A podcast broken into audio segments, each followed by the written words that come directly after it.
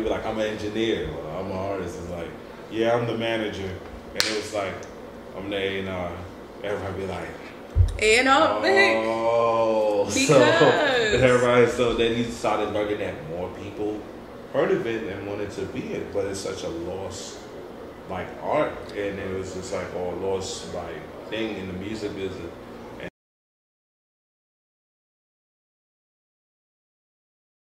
Welcome back. This is our last episode for our first season of the Downtime series.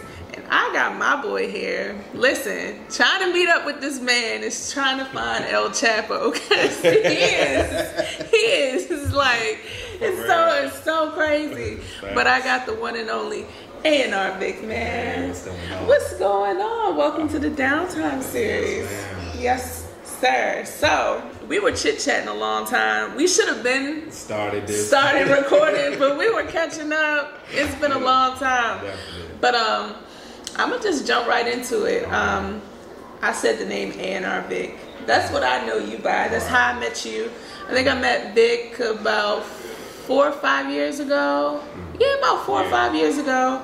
And he has probably been one of the most solidest dudes that I have known so far, thus far in the um, in the entertainment world.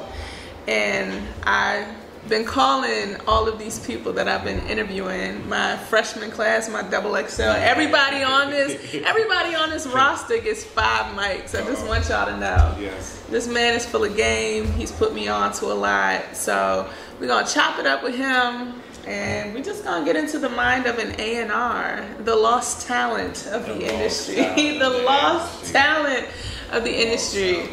So um, before the camera started rolling, we began talking about um, of Mics and Men, which of course is the Showtimes. It's on Showtime. Yes, Showtime. Showtime series that documents um, the beginning of the Wu Tang Clan. And this man right here, He's Happens- from yeah, he's happens- from Park Hill, you Staten Island. know, is I'm from Staten Long Island, New yeah, I'm York, Oh. from Park Hill. Park Hill. Yeah, I'm from Park Hill, man. So let's just rewind back to the beginning because I mean, when you think about hip hop, they always talk about oh, the Bronx, you Mm-hmm. Yeah. know, Queens, Brooklyn, all of these places, but there was really a nice place across the water Yeah, who excelled in hip hop. Yes. Staten Island, of course. So, what was your introduction to like hip hop? Oh, my introduction to hip hop is crazy. like, I'm definitely from the crack era. okay. So from the '80s, you know, when you're dealing with um, a lot of crack in the projects and stuff like that, um, came from an era of graffiti wow. and um, and breakdancing. So my first introduction to hip hop was really like the Fat Boys, Ah. yeah, the Wow. Fat Boys and um, Run DMC. okay. So that was the beginning. When we see uh, LL Cool J, so you had all these guys, right? So I, my parents, my father had turntables at the house, so he had um, this turn. He had a lot of records. So watching all these things going on, I took a record DJ my sister's birthday party. So, Rob Bass, uh, It Takes Two was the hottest song at that time. So I'm DJ kept playing it, everybody jumping around. So it's like I fell in love with music then, but secretly it was always like embedded in me. My mom used to sit me in front of the radio wow. every day Mm-hmm. while she cleaned, cooked, and everything, and just leave me there. She, I- she said I wouldn't move. I would just listen to music, dance, chill. So it was like music was just something that I always liked. But hip hop was just different. Like my Different. brother was into it, and I was into it. So it was in the Mm-hmm. living room dancing, break dancing. So I was just I always want to know if into you it. still got some of them movies. I'm gonna be honest with you. Like, if I pass it to you, Me and my could little you- brother won a dance contest.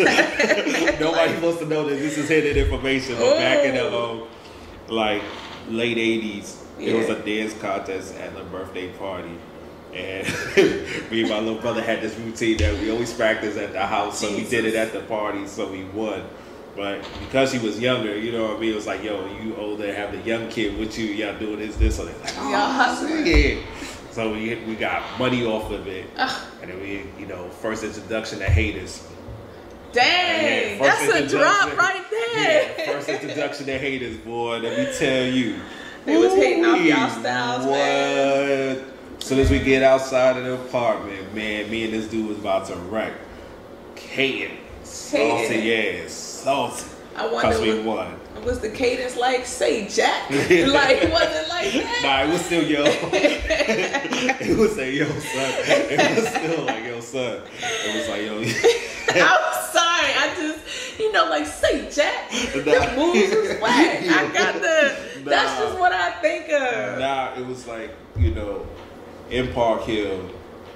Um, to describe it like briefly, at the time it was a bunch of Africans that just came in. Really, Park Hill used to be a place where like a lot of white people used to live, and then they started moving out, and they introduced housing. Oh, So okay. they turned it into public housing. So then a lot of Africans, a lot of Jamaicans, Yeah. different ethnicity came through and just ripped the place apart. like, and I don't want to say they did that on purpose or being the mentality of like because it's low income. Yeah. It's like there was a lot going on. Yeah. Introduction of drugs, so you have crack going on. You have people just trying to survive in New York around that time frame. You know, a lot of violence going on. You had different mobs, different gangs. You had all these things going on. New York always been like a violent state. Yeah. You know what I mean? So Park Hill, Staten Island is no different. Yeah. It's a borough, it's an island. Yeah. It's like you have to cross the bridge to get over there or take the ferry. So most of the people that lived in Staten Island was very good people at the end of the day, but you had a lot of criminals hiding out because that's the place where nobody really checked on. So all these things going on there and you see all that stuff and it's just like, you know, you have all these Africans in there. You're like, okay, cool you don't know how Jamaican people live. They move in, Yeah. so they got a whole different vibe. Wow. So you try to like Try you to know what I'm merge them saying? together, But yeah. the grocery store you going to is run by Spanish people. God so damn. you go into the Spanish store and you're like. You, you trying to like learn their lingo and how they talk. So a lot of time we walk in the store, we like mira, mira, mira, mira. We doing all these crazy stuff, like you know. And it was fun. I Yeah. mean, you know, for a kid, it was for me. For it was fun. Yeah. You know, it turned out to be fun to me. You know, I always loved it, but it was a very dangerous place. yeah. And it's like, it's like how people look at berry farms. Yeah. Okay. You know what I mean? It's really how I heard people some when you stories hear growing up. it is it's really how people look at it. Staten Island is like, and especially Park Hill, Stapleton, West Brighton, New Brighton, um, the Harbor. There's different um, projects out there, Port Richmond. Um, those places was all berry farms. Yeah. So they was all over the island. It's like you had multiple berry farms all over Staten Island. Nah, that You ain't it. see what I'm saying? that It's ain't like it. yeah, multiple berry farms. So as a child, Yeah. it's like you got all this going on, Wow. but music is keeping you sane in the process. yeah. You know, so even the introduction of Wu Tang is like all these mem- members were from different parts of the island, and like three of them are from Brooklyn Yeah. you know, and it's like for all the things they was going through to come together Yeah. because of music Yeah. and become so popular, you know what I mean? But there's a lot of talent in Staten Island. Right. People just know Wu Tang. Yeah. You know what I mean? It was King Just, you had Shaheem, you know what I mean? Little Shaheem that was part of Wu Tang. You had a lot of different artists out there. There's still more artists out there that's doing this thing. Um, Holy Mo, um, he's dope. He's very dope. Um, that's out in Staten Island. These guys are like very talented. Yeah. But people know Wu Tang more because they had global. Yeah. Global impact. They have a very global impact. Yeah. They took what we watch every Sunday Yeah. start at 12 o'clock, kung fu movies came on Right. in the projects. You turn on your little tube. We had the old school with the UHF. Woo. So it's like the turn the top gel. So it's like, yeah, I'm showing my age right now, but like. Because let me tell you, I had a color TV with a remote, Yeah. y'all. Nah, nah. We had, and I was part of the era when the introduction of cable TV too. So it was like, you did, it's like crazy in the project. Or they was Yeah. like, yo, we about to put cable TV in the project, Like, and they had what? to do the whole thing. And it was like, yo, now we getting to witness like MTV with Mm-hmm. all these music. But we knew Michael Jackson, like you know, listening Yeah. to him, watching Thriller. We had cassette tapes. I didn't have the old school. um the eight track Jones. I, I never had that. I never even like seated up in front for real. Um, but we had turntables, cassettes, um, decks, like the um, boombox. Where Yeah. you can record off the radio and stuff. So I was just interested. You what was it? Record and play? yeah, Yeah. I was See, just I know inter- that. yeah, nah, I was, I in- know was so, that. Mm-hmm. in- I was so interested in those things, like the, even on the technical side. Right. It's like, why do people just like scratching this way or doing this? Like, what makes it play the music back to you? Yeah. I just wanted to know at the end of the day. So, you know, at the end of the day, um, with Staten Island, like, it's a beautiful place. They're Mm-hmm. definitely building it up now even more. Right. Still has its projects. It's still going to have its projects. Still thorough. Um, but the music, seeing Wu Tang start there, Yeah. being able to see like just witnessing it before I left, like carried on to when I came to Maryland. Yeah. But then Maryland gave me something totally different, Right. which was crazy. What did they give you? Maryland gave me the introduction to live music. Okay, and are we So, talking like- about something in special? yeah, yeah. So my introduction to Go Go. Okay. was like crazy. Mm-hmm. I'm leaving New York. You got Wu Tang coming out. They preparing their rollout, but this still was like you're talking about MC Hammer, Oh, like one dancing ass yeah. nigga. you're talking about this is like that's what I'm saying. I've seen so much transition in hip hop. Yeah. So you're talking about Ken and Play, all these people. You got all these dance like I don't want to say hip-hop. like bubbly hip hop, but like bubbly hip hop Yeah. Mm-hmm. to some real thorough, Right. like But I mean, but even if you think about Big Daddy Kane, Yeah. Big Daddy Kane is a thorough dude. He just Smooth, had yeah, thorough but he dude, was smooth yeah. like that. Like one of my favorite like hip hop artists, but it was like he understood entertaining. yeah, So it was just like you're seeing those guys. Yeah. And the introduction to like, I guess gangster rap in a Yeah. way or stuff like that with NWA and all this stuff. But it was like, no, there's a no whole other sound of black music it is. that you don't hear. I- You didn't hear it nowhere else. We just heard hip hop and then whatever the pop Yeah. stuff was on, going on on the radio. And then for me, being African, it was just like whatever our parents was playing at the time. Yeah, So then, you know, to step in to go go, yeah. it was like, what is that? It's like, what is Banging on the that? banging on the drums and the pots and Yeah. pans and all of that. Nah, I'll yeah. never forget this. And if this guy ever gets this, you know, I, uh, if he ever runs into anything and sees my face and talking about it, this is guy named Frank. I Right. was in middle school. I came out here in '92. Okay. Um, I was in middle school. I was at the bus stop. He was like, "Yo, you're not from here." He was looking at my clothes. I had on cross colors and stuff. so he was like, "Yo, where you from?" I was like, "From New York." It's like, "Yo, who you listen to?" I was like, "Well, you know, there's this group coming out of Staten Island called Wu Tang. They real dope. I like Big Daddy Kane, LL, stuff like that."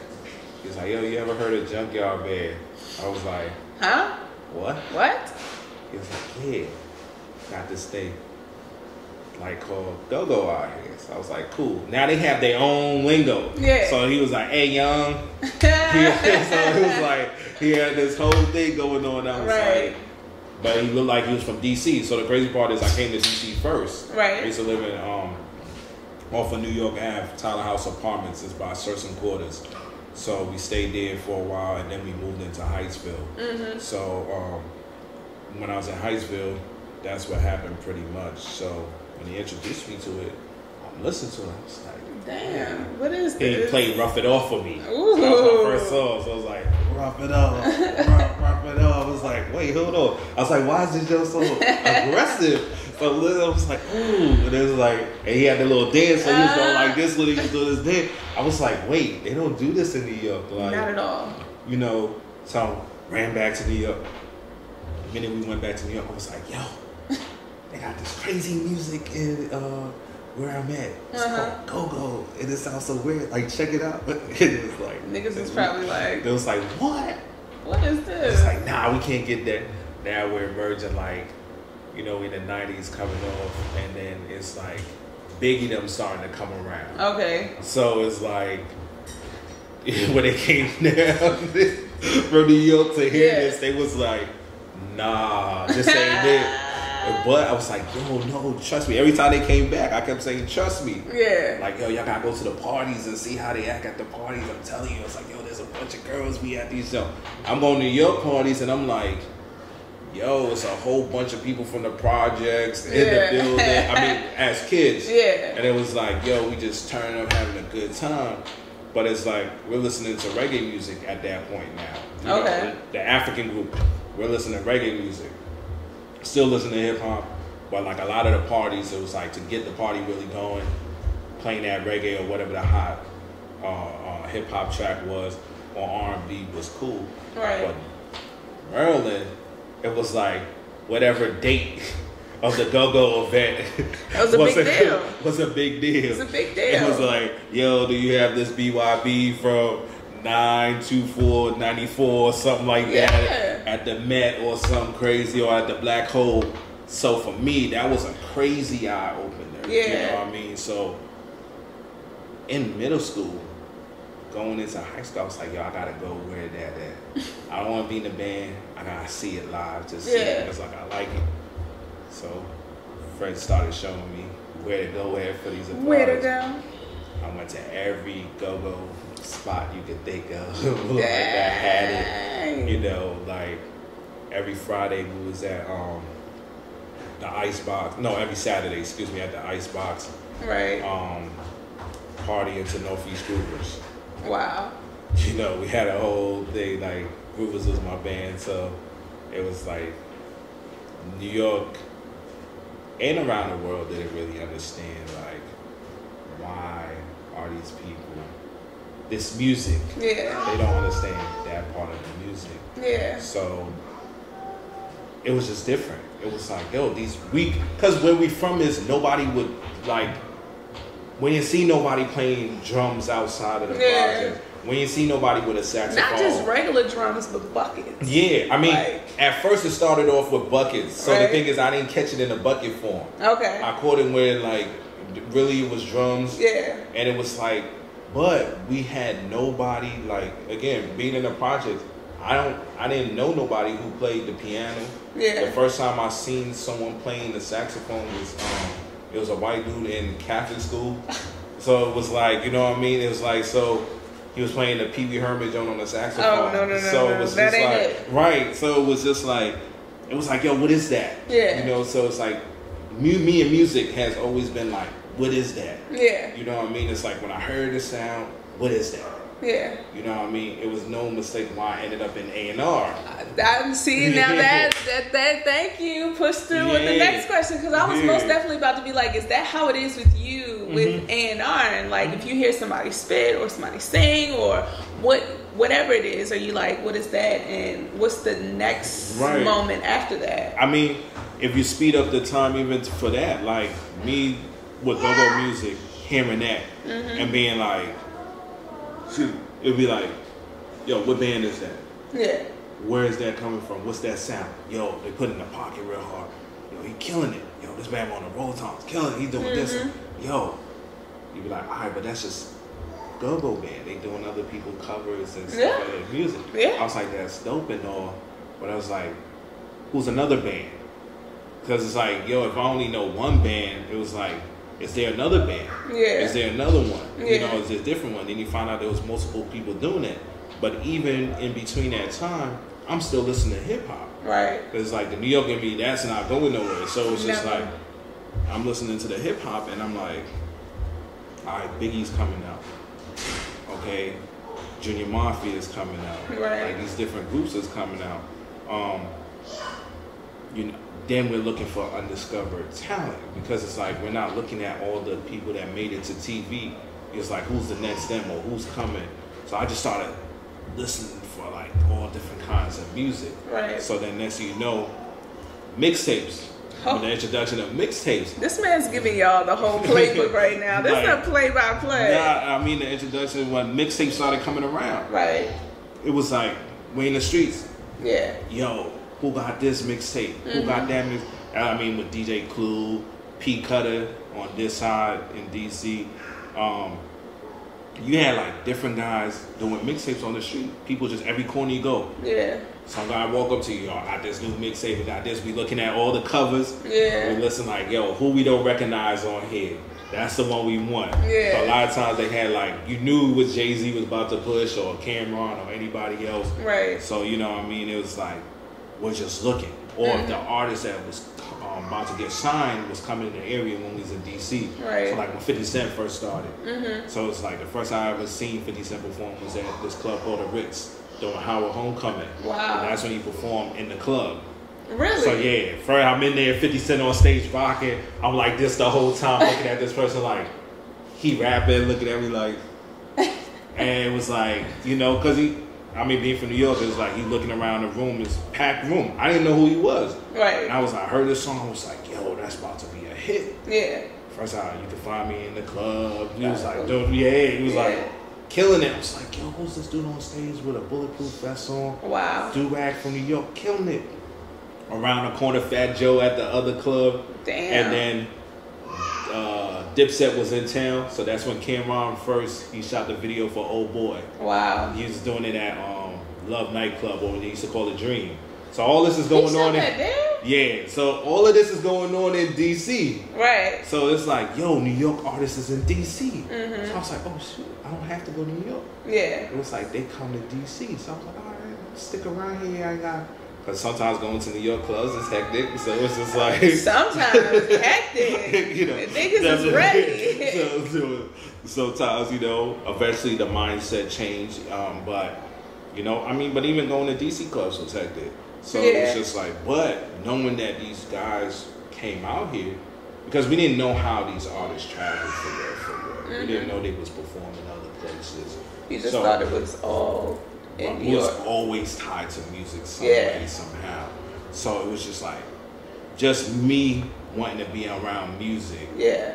as a fan Yeah. is what brought me. And it was no, like I said, it was no like coincidence that somehow I never had it in me that I was gonna do music. Wow. There was nothing in me that said I was gonna be in a band. There was nothing in me that said I was gonna be a rapper. I mean, even in college, Yeah. it was down in North Carolina. Like, I was out there when um, you with the auntie? now I went to this school called Barbara um, Scotia College. That's Okay. by um, uh, North Carolina University Okay. um, Charlotte. They got a Charlotte um, situation. And Johnson C. Smith, that's in that area. Um, Salisbury.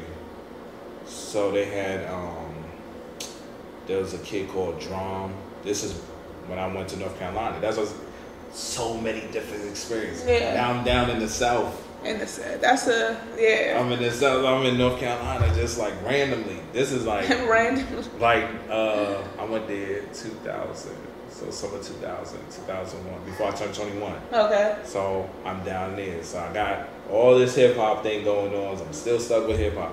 Get the introduction to Go Go. So it's like, cool. Never was paying attention to South music.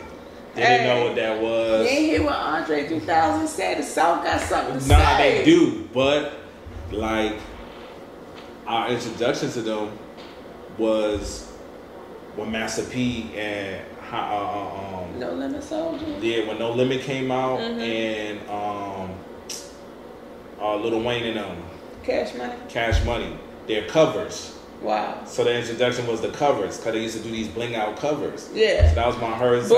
yeah. Album so, art. Got yeah, you. the artwork. So I was like, well, who is these guys with these? I was like, this is kind of The chain, the glasses, all And that. then you get introduced to Scarface. Right. Like, so all these, like, you know, um, outcasts. So it's like, all right, Bun B and them. All right, As soon as I get down south, and you got P. Pablo, you had Drum. This is when the Yin Yang Twins first started coming out. Uh, I met Little John out there. Wow. So it was just like, yo, this like new Atlanta starting to emerge. Right. That was right before New Atlanta started taking off. Right around the time Ludacris and all of them was coming out. So I was like, yo, these guys are dope too. Wow. But they doing it on a different kind of like, this ain't boom That's a bap. high intensity. Yeah, this bass ain't boom bap. booming. Yeah, and, and they party different. Yeah. So that's the thing. I always thought I was gonna end up being a, like a club promoter or something because we was throwing parties when I was in high school and stuff. So it was just like hip hop, boom bap, go go, like what they saying is bucket music, down south, heavy, dark, bass. And Yeah. It's just like, ooh, or high driven. Yeah. Like they turned up aggressive, and then you go out to Detroit, and then it's like, and even in Maryland too, in Baltimore, they had house party music in Right. Philly, so you get these different. So it's like I'm catching all these, and I still love Motown. wow. So it's like, yeah, I had that already in me as well. So it's Right. just like, dang, I know all these good music. So it's kind of like a New York, like they call it the melting pot. Mm. And your, it seems like your musical experience was a big ass melting pot because Yeah. you got everything, I was getting wind of every music. everything. I want you to break down for people out there watching this what exactly an A and R is because people just think, oh, you scout talent and then that's it. I mean, but there's many forms of A and R's. Right. um, back in the day, the A and R was responsible for the development of the artist. right, So it's pretty much artist development at the end of the day. But he was more so the guy with all the connections and knew Okay. what was going on, what's hot, who's doing what, where the hot spot at, who you need to talk to, and it really helped the labels move the music for real. Because think about it, you have Def Jam, you have these artists, and y'all don't know where it needs to go. right. Who knows where it needs to go? The A&R. what DJ he we supposed to Yeah. hand it to. You're not in the clubs. Who's supposed to be? Who's the hottest DJ? You you can hear one name, Mm-hmm, but he not at every club. He Right. only in one club. So there's another him somewhere else. Right. Well, who's that person? You know what I mean? Most of the time, how can you skip the line with some of the process? It was like, yo, we ain't gotta go talk to the radio program director and all this stuff to play the music, and we cool with the DJ and we slide it. So him, I got a relationship. He don't mind playing it during the mix or something like that. It was just like, it's just like the the A and R was the cool guy. Right. You know what I mean? On top of developing the artist. Um, along the line, because how music transitioned, Right. especially social media, kind of like the growth of social media and those platforms of self and independent, it was like the DJ wanted to be the A and R, the Wow. managers wanted to be in the A and R. um, Some of the artists wanted to be A and R at the end of the day. If you think about it, when they starting their own label Right. and they want other artists on there and they going different places and artists are coming to them trying to get on. They was like, yo, I was sitting on the block after a show and this kid came up and started rapping to me. Yo, he hot Yeah. yo, let's create a label and sign them to our label.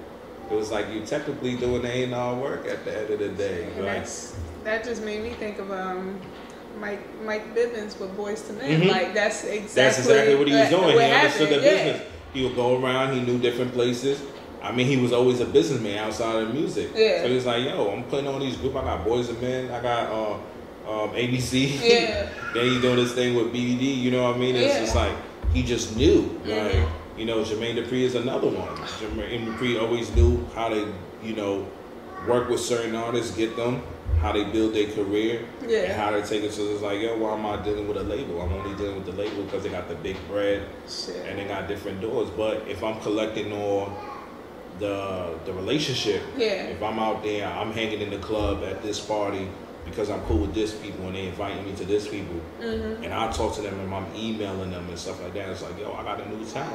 At the yeah. end of the day, I got to deliver. That too. That's the thing. It's because you never you don't never want to work with somebody who's gonna burn your bridge. Facts. You know what I mean? You work with an artist and he hard headed, or a producer who's hard headed, and you're telling somebody like, "Yo, I got this hot." This Uh, hot artist person, or but- whatever, and he's just disrespectful. He don't understand the business, but that's part of the job of training the artist if you're doing artist development. You know what I mean? Um, but artist development was limited to me, like Why is that? or A and R is limited because they never taught the people the business. Okay. Oh, It's like a lot of it was from to me. It's from a creative standpoint. It was like That makes sense. yo, how you need to be as an artist, how you need to talk in your interviews, where you need to go, you know, But you places know need to what? I feel like there was a a blueprint, but I don't think that blueprint transitioned. And what I what I say by that, because you know my aspirations to follow in your footsteps. Mm.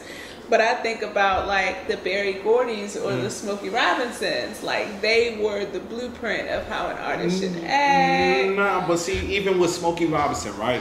right? He- He's my favorite ar- ar- artist on that side. Yeah, So, Smokey Robinson is a, a hell of a songwriter, yeah, outside of a hell of an artist. yeah, but he did he understood the business enough to know that I how I can make money in this. I'm writing a song for all these artists. right, This guy has all this talent that don't write music, right, Mm-hmm. and I can write music and create hits. I'm getting all this bread. They don't write the music. They ain't collect no royalties. They ain't writing nothing.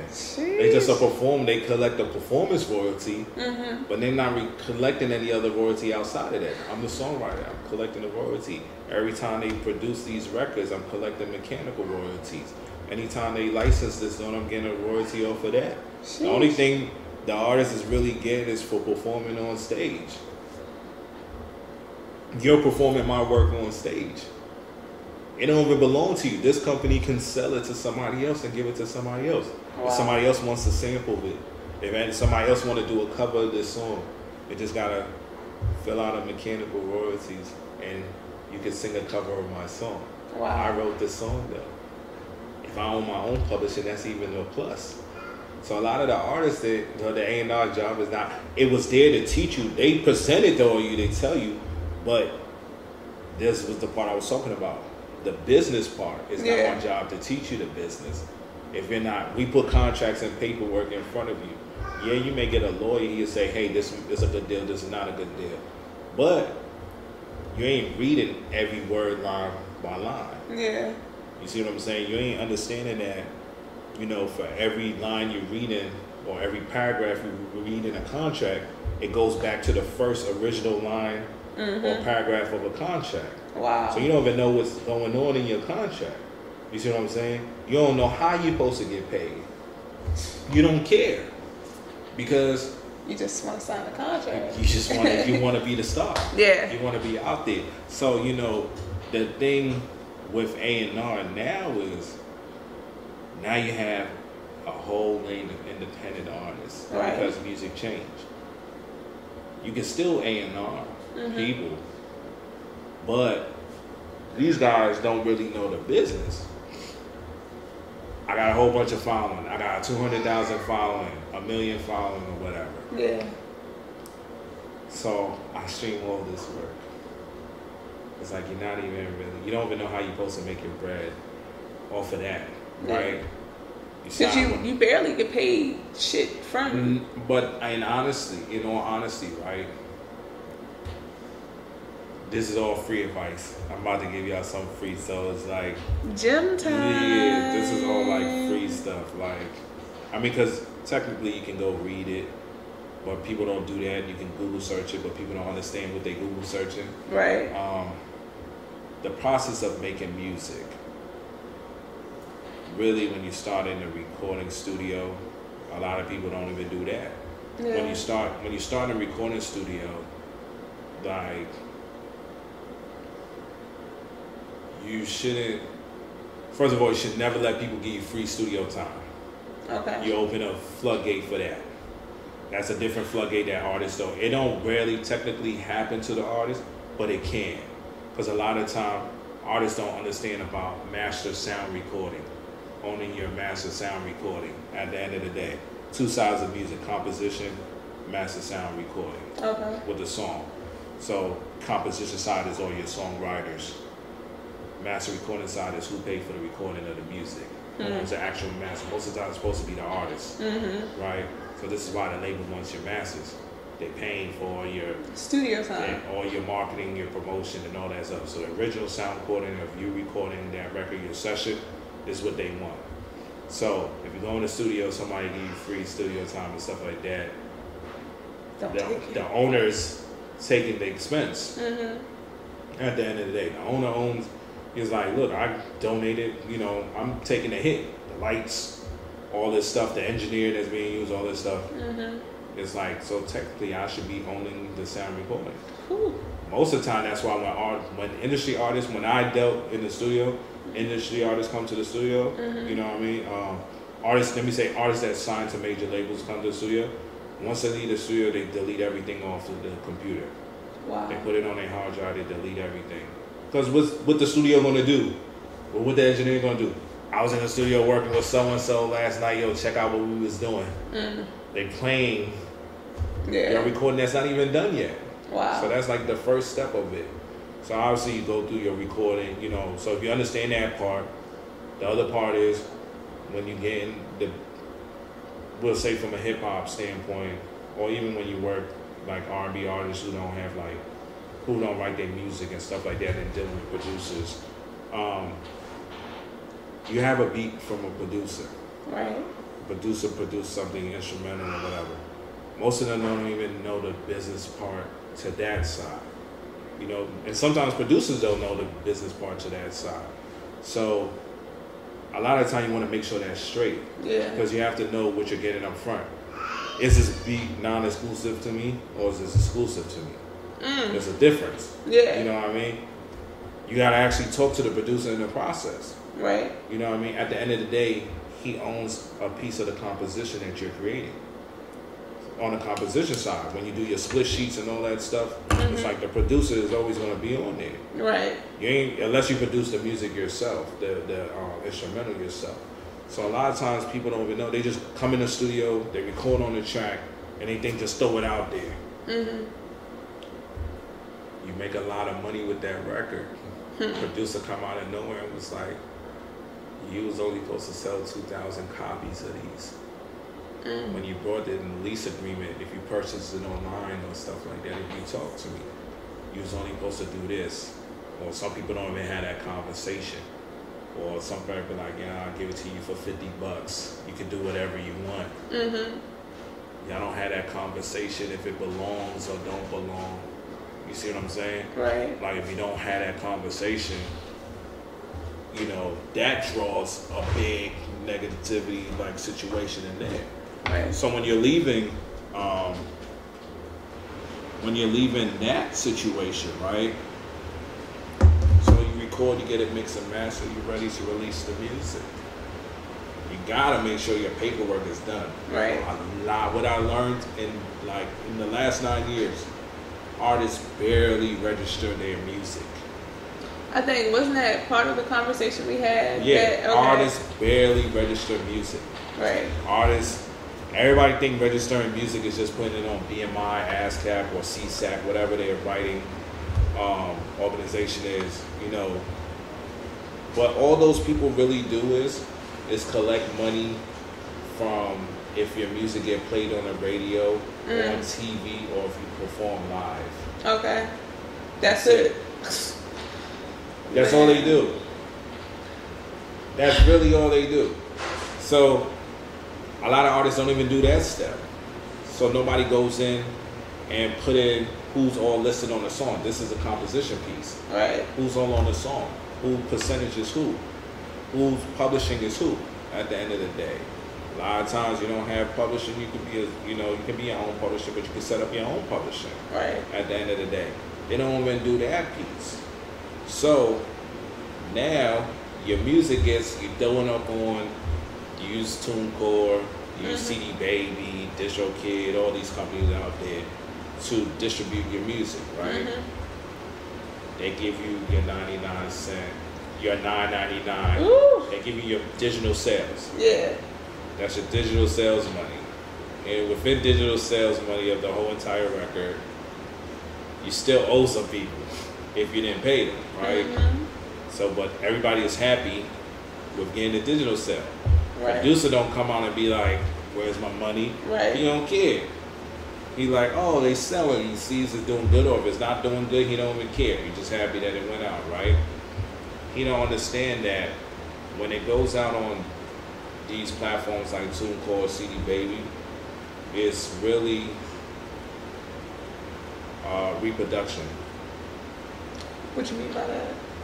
every time it goes to iTunes, iTunes or Mhm. whatever, they reproducing your music. So it's like Really? it's like read this because every time you press play, every time somebody using it, it's a system, right? Mhm. Every time somebody press play, it's like, hey, I hand you. It's like the jukebox machine. You push play, the record comes back up. You play it for the person they happy. When I'm done, I put it back in the what you call it. Ain't you supposed to get paid for every time that record? Gets played. Gets played. Right.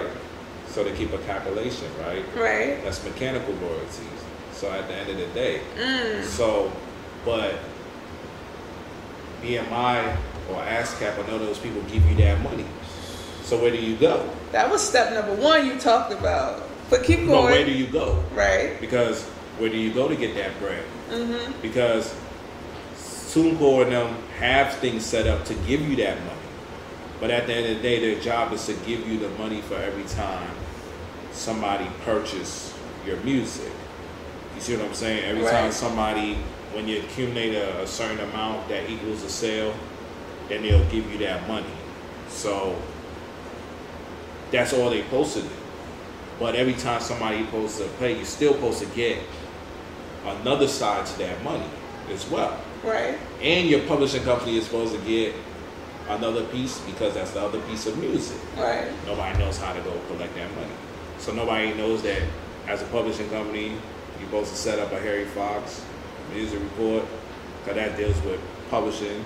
And if I want to license the music and get a mechanical, if somebody wants to use my music or sample, that's where they can go obtain the mechanical license for it Wow. with Harry Fox. So it's like there's so much. It's a formula. There's Yeah. so much because there's different around the country too. What happens when iTunes go to iTunes Europe, iTunes Australia? Mm-hmm. Wow. When they distribute, all these places have different rules on how they distribute your music Mm-hmm. and how you're supposed to collect your money in your music. So then you're supposed to have, you know, something set up, somebody who knows how to do administration or something in that way with publishing to how to get your money overseas. Right. Because how do you get the money that belongs to you overseas? Nobody really knows. Nobody really asks. it. You blown my mind with this information. There's so much, and and that leads me, you know, to what I've been doing. A lot of stuff that I've been doing is working with the artists, producers. Step one is go get your money. Hmm. You worked for it, go get your money. Right. Like at the end of the day, you know, it's like somebody need to show you. Because for me, the biggest thing in this, especially in this area, Mm-hmm. if the if the people if the people know the music business well, Mm-hmm. more artists will go out the door faster. The people in the industry would rather work with somebody who understands the business. It's like I'm not going to take a complete idiot. And I always say there's a, and it's no disrespect to Nas. This is like back in the day. Right. There's a Jay Z, and there's a Nas You right. you know, at the end of the day, like think of Jay Z in his early music career when he started, and Nas at his early career when he started. Jay Z understood the business. Right. Not to say I don't know Nas, so maybe he did know some of the business, Right. but a lot of their new movements show they know business. Yeah. Wu Tang is another example of that. A lot of it showed that they understood the business. Right. They was merchandising their own stuff. Like, how do we get this? And to the point that they got it in Macy's Yeah. who was the as an artist who was the first labeled like hip hop group to then have stuff in Macy's or just even distributing Nobody. shirts and stuff like that. You see what I'm Yeah. saying? You know, so you're making all these millions. What they say they made like 25 mil Mm-hmm. back then. Now that's a lot more, Yeah. but back then that was a killer. Yeah. You're making music. You're selling shirts, all these merch. You know what I mean? You have your own clothing line. Right. It's the beginning of your own clothing line. Hmm. And Jay Z did. it. He gets his own clothing line and get rocked with. it. You see what I'm saying? There's he so need to many. bring back them X dot That's what I'm Carter's, saying. When you, them you're shits. thinking about what's- Comfortable. Mm-hmm. with the art who understand business. It was like, yo, we out here. You know, we're going anywhere. We gotta be recognized. We're a brand. Right. So, do you think that an A and R needs to not only be able to manage an artist, you know, be able to hear the talent, but they really have to understand the business for the best benefit I of feel like the if- artist. Yeah, I mean, you should, depending on what's your goal with the artist. Ten percent talent or Yeah. twenty percent talent, eighty percent business. wow. So it's like Um, That's a gem, y'all. It is. Twenty percent talent, eighty percent business. So it's like you can have all the talent in the world, Yeah. But let's be honest, like nine and a half out of ten times, Mm-hmm. that person ain't no Michael Jackson, they ain't no Lady Gaga, they ain't no Beyonce, Yeah. they're not no Jay Z or Eminem. So they're not like your top Yeah. bracket of the next wave anyway Mm-hmm. they just have a talent. Like they have a remarkable voice. Right, They sing better than me. right. So it's like, oh, you sing better than me. Wow. Mm-hmm. It, it, it's pleasant to my ears. Because at the end of the day, with his music, it's just something That for most you people. like. Mm-hmm. Yeah, it's just you like. It's a sound that you like. At the end of the day, that you feel is pleasant to your ears Right. or it controls the way how you feel, you know, or think or whatever. So it's like a lot of the people that you run to that you think is going to be good may not be good for the business. They Right. may just be good for the sound. You Right. see what I'm saying? I follow. So it's like if you're going to take on somebody, you have to make sure that they're both good for the business Right. and good for as an artist because you can have a great art you can have a, a artist who's good at business but terrible at being an artist Wow. you can have an artist that's good as being an artist as great as being an artist but terrible in business at the end of the day so it's like yes you can replace different things to make it work Right. but for you as an A and R, like for whatever your job is going to be at that time, does it make sense for you? So I got a great talent. I put her with all these hot producers and stuff like that. Mm-hmm. But business wise, is people going to be open to the way she look, to the Okay. way she talks? Follow. You see what I'm saying? To the way she even dresses, you know, Yeah. or he at the end of the day, or a group. Yeah. Like, I mean, you've seen it in a lot of groups at the end of the day. You pick a group, then there's always that one person in the group that everybody loves. Yeah. And they forget about everybody else in the group. Damn. It's the It's- Destiny's Child. It was like they all could sing, yeah. but who stood out the most? My girl. The, me. the, the most person that wanted to stood out. But as you see now, when you looked at it, overall, who understood the business more than anybody? That girl B. You see what I'm saying? It's like, yo, Yeah. you had all these like women in a group. Each one of them sung different. Yeah. You know, obviously she stood out singing wise, pleasant for the ear. Yeah. So from the talent pers- standpoint, it was like, okay, that's good. But if she stood out, why was she ever in a group in the first place? There was something that was missing. It was Mm. Yeah. like, look, maybe it would be more better for her to be in a group for the time while we get her to understand the business Wow. or something else. But remember, it's her dad running the job. Yeah. So it's like, look, I don't want her to go out right now as a. I will put a group, girls from Houston. Cool, it looks better as a group of girls, right? Mm-hmm. Right. Go out. Out of that group, even when the remaining three stand, Mm-hmm. who understood the business. Yeah. You see what I'm saying? At the end of the day, you walk around. Now Kelly, you know, I love Kelly. Now she's doing stuff that's like yeah.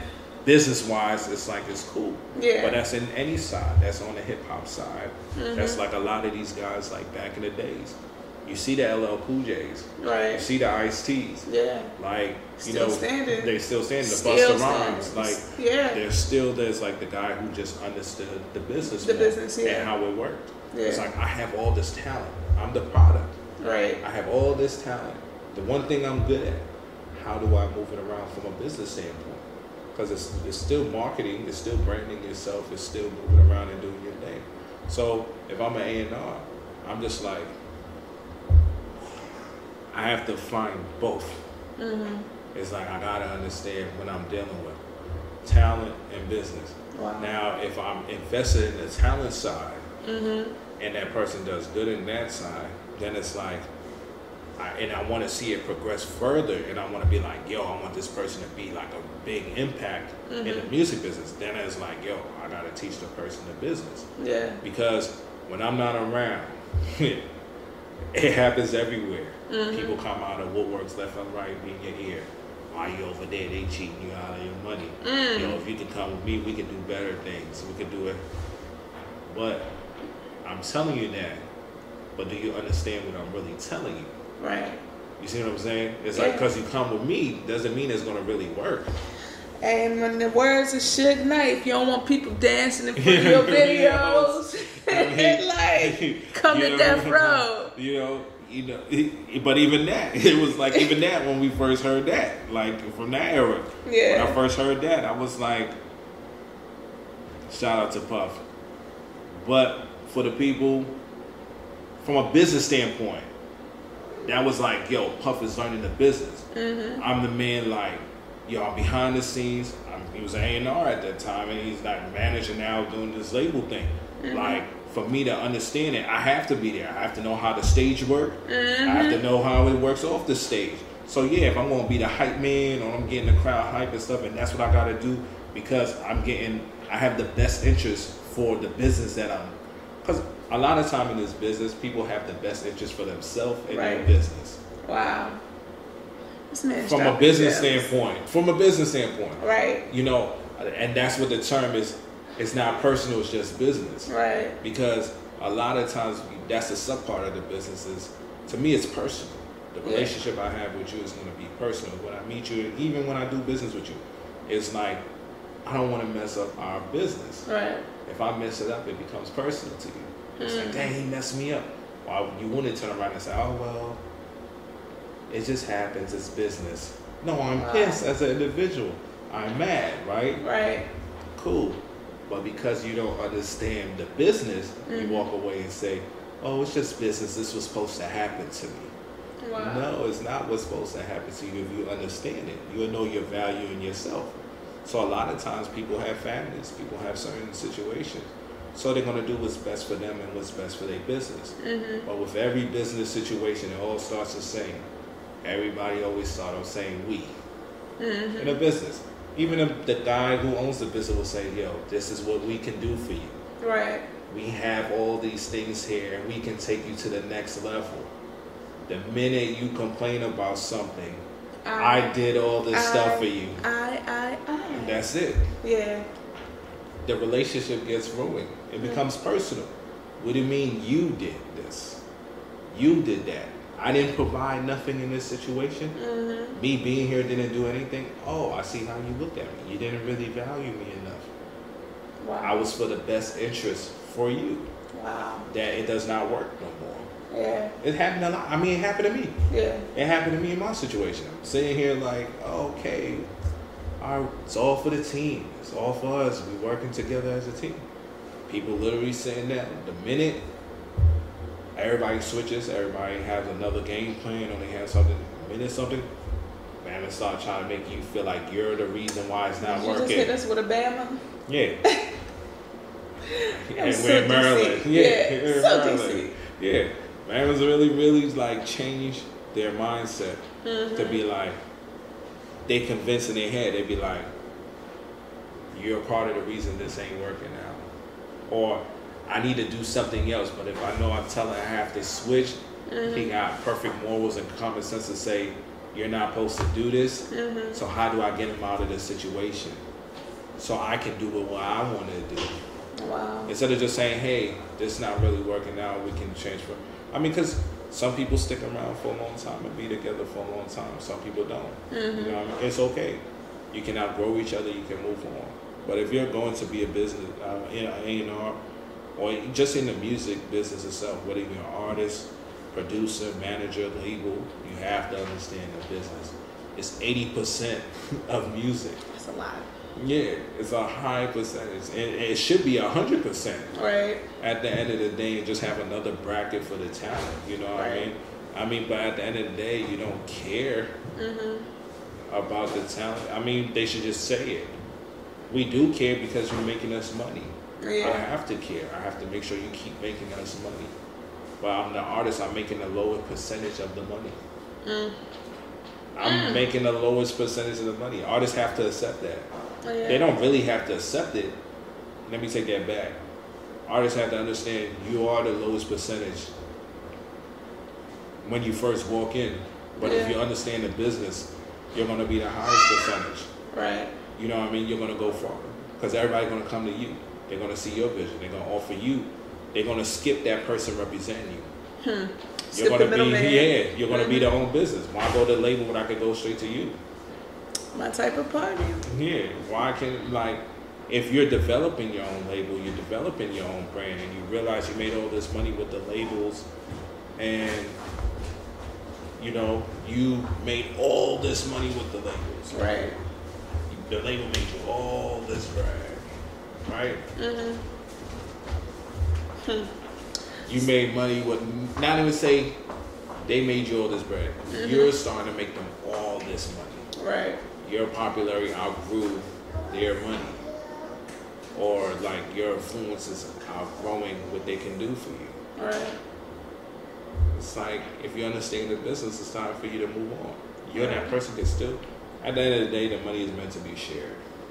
If you ever looked at any form or part of this business, everybody's just sharing money. Right. you're really sharing a percentage of everything you do. You release the music, you're sharing it with somebody else, money wise. We collaborated to make music. I'm sharing a piece of what we collaborated on with you. Now I add another entity and he's putting it and get a sponsorship with Apple Music or something like that. Mm-hmm. We're all sharing the money. Apple gives you the money, you're sharing it with other people. But there's always that one person or that one group that wants to take all your money. And so you Mm-hmm. That just could- wants so that they could be eye. at the top. And so it becomes the Yeah. eye. So it's Yeah. like that's again that business side is very important. All You right. can never go like a- and you have to know what you're talking about. You gotta know what you're doing. But as I said, as ain't our first, me first, I gotta know what I'm doing. You can't be talking into like business meetings. You can't be sitting with other people. You can't be sitting at the table and don't know what you're doing. Facts. They like they're gonna get rid of you. They Quickly. be like, yo, that's like he a clown. like, he don't know what he doing. You heard this? they come to tell. I mean, I done see that. I done seen people. People come every time. They be like, yo, I know so and so. That's my man. Da, da, da, da. It's like, what does that mean? You came to me wanting something. Because you know somebody else doesn't mean I should change the way I feel. Facts. You see what I'm saying? It's like, but they expect that if you're a person that you know wanted you to be, we have a relationship. You would have called me and be like, yo, Vic, can you do me a favor? Like, I got this person that I know, woo, woo. I got no problem. Yeah. I got you. But you come to me telling me, like, which was like, you trying to sum me. Yeah. Come to my establishment telling me you know somebody that I don't really talk to like that. Yeah. What does that mean? I'm supposed Nothing. to change because you said it? Yeah. It's like no. it's still $125 an hour. That's how I always carried it. What, what is the studio stuff? You know what I mean? Mm-hmm. Um, you know, you work with people, but you know at the at the end of the day, it's like you want to learn every step. You want to learn how music is made. You want to learn from a recording standpoint, engineering standpoint, from Yeah. a producing standpoint, from a management standpoint. You just want to know every piece of it. You Yeah. Know? Um, it takes you a long way. So it's like if you're gonna be an A and R, it's like trust matters, knowing the business matter, uh, taking it serious it always matter, Mm-hmm. and then it's like remaining who you are is Right. important. So don't get influenced by the people you working with. I Right. done seen a lot of people hang around different groups. Mm-hmm. Like if you're not from the projects, and then you hang you start hanging Mm-hmm. around an artist that's Some from the real projects. project babies. Yeah, and you start hanging around people that's from the project, and they influence how you feel. That ain't really you. Yeah. You know what I mean? You start doing all this because you with the group. It's like I remain professional At It's all like, At times. all times, like you ain't gotta be the guy smoking with them. You ain't gotta be the guy drinking with them for real, for real. Yeah. It don't make you less cool because you're not doing these foolish things. With, you know what I mean? It's like this what they enjoy doing, but it's not you. Yeah. You ain't gotta do it. So it's like be true to yourself. You know? I love it. So my last question for you. Let me see Yeah. where we are with time. All right. Yeah. So my last question for you Mm-hmm. would be, what is your why? Why? Why? Why? Why? And I always tell the Mhm. guests interpret it however you want. Mhm. Take take it in and Yeah. answer it however you please. Um, I never knew it in the beginning. Mm-hmm. So that's the thing. When you love doing something, you don't know why you're doing it. Mm-hmm. Inside of you is just like, ah, I just want to do it. Mm-hmm. So I never put a hand into the why. Wow. I just did. You know what I mean? The thing is, it was like, and it, and it probably had to do with how I grew up. Never Mhm. asked why. you know what I mean? If you know you're not supposed to do it, why ask why? You know what I mean? If you know you're supposed to do it, why ask why are you doing it? You know what I mean? So Mm-hmm. I never had that in me. Um, now, as you get older, you sit back and be like, you have to know why you're doing it now Yeah. because it's like when you have family, you have children, it's like, why am I putting so much energy into something so much? Mm-hmm. So my why became now, I think once I analyze it is, I think I was really meant to help people in the music business. I think for all my experience in the music business and running into the people that I ran to that's in music and outside of music, just that's in artists, yeah, just in the artists, in the creative, like, what if they're creative, what if they're in politics, the people I ran across to, and it felt like it was, it was God made that happen. Yeah. And I was supposed to meet these people and either offer some type of advice, offer some type of help. And I think the overall of me has always been helping people. So I think my why is I love helping people. I could I could talk some things about him on camera, but he is the reason why he played a part of Yeah. of my why too and why I'm here doing what I do right now with the downtime series. And I'm yeah, proud of you, yeah. Yeah, proud of you. Continue doing that. I love it. Um Yeah.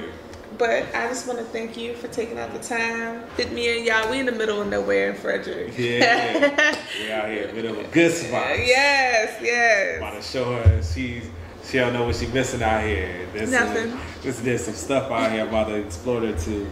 And she gonna Yes. get the wave of. She gonna be out here a few times. Yes. Trust me. So thank you Yes, ma'am. for coming on. I appreciate you. I love you so much from the bottom of my heart. ma'am. You are a great individual. And that is a They're a wrap. all right. Yeah.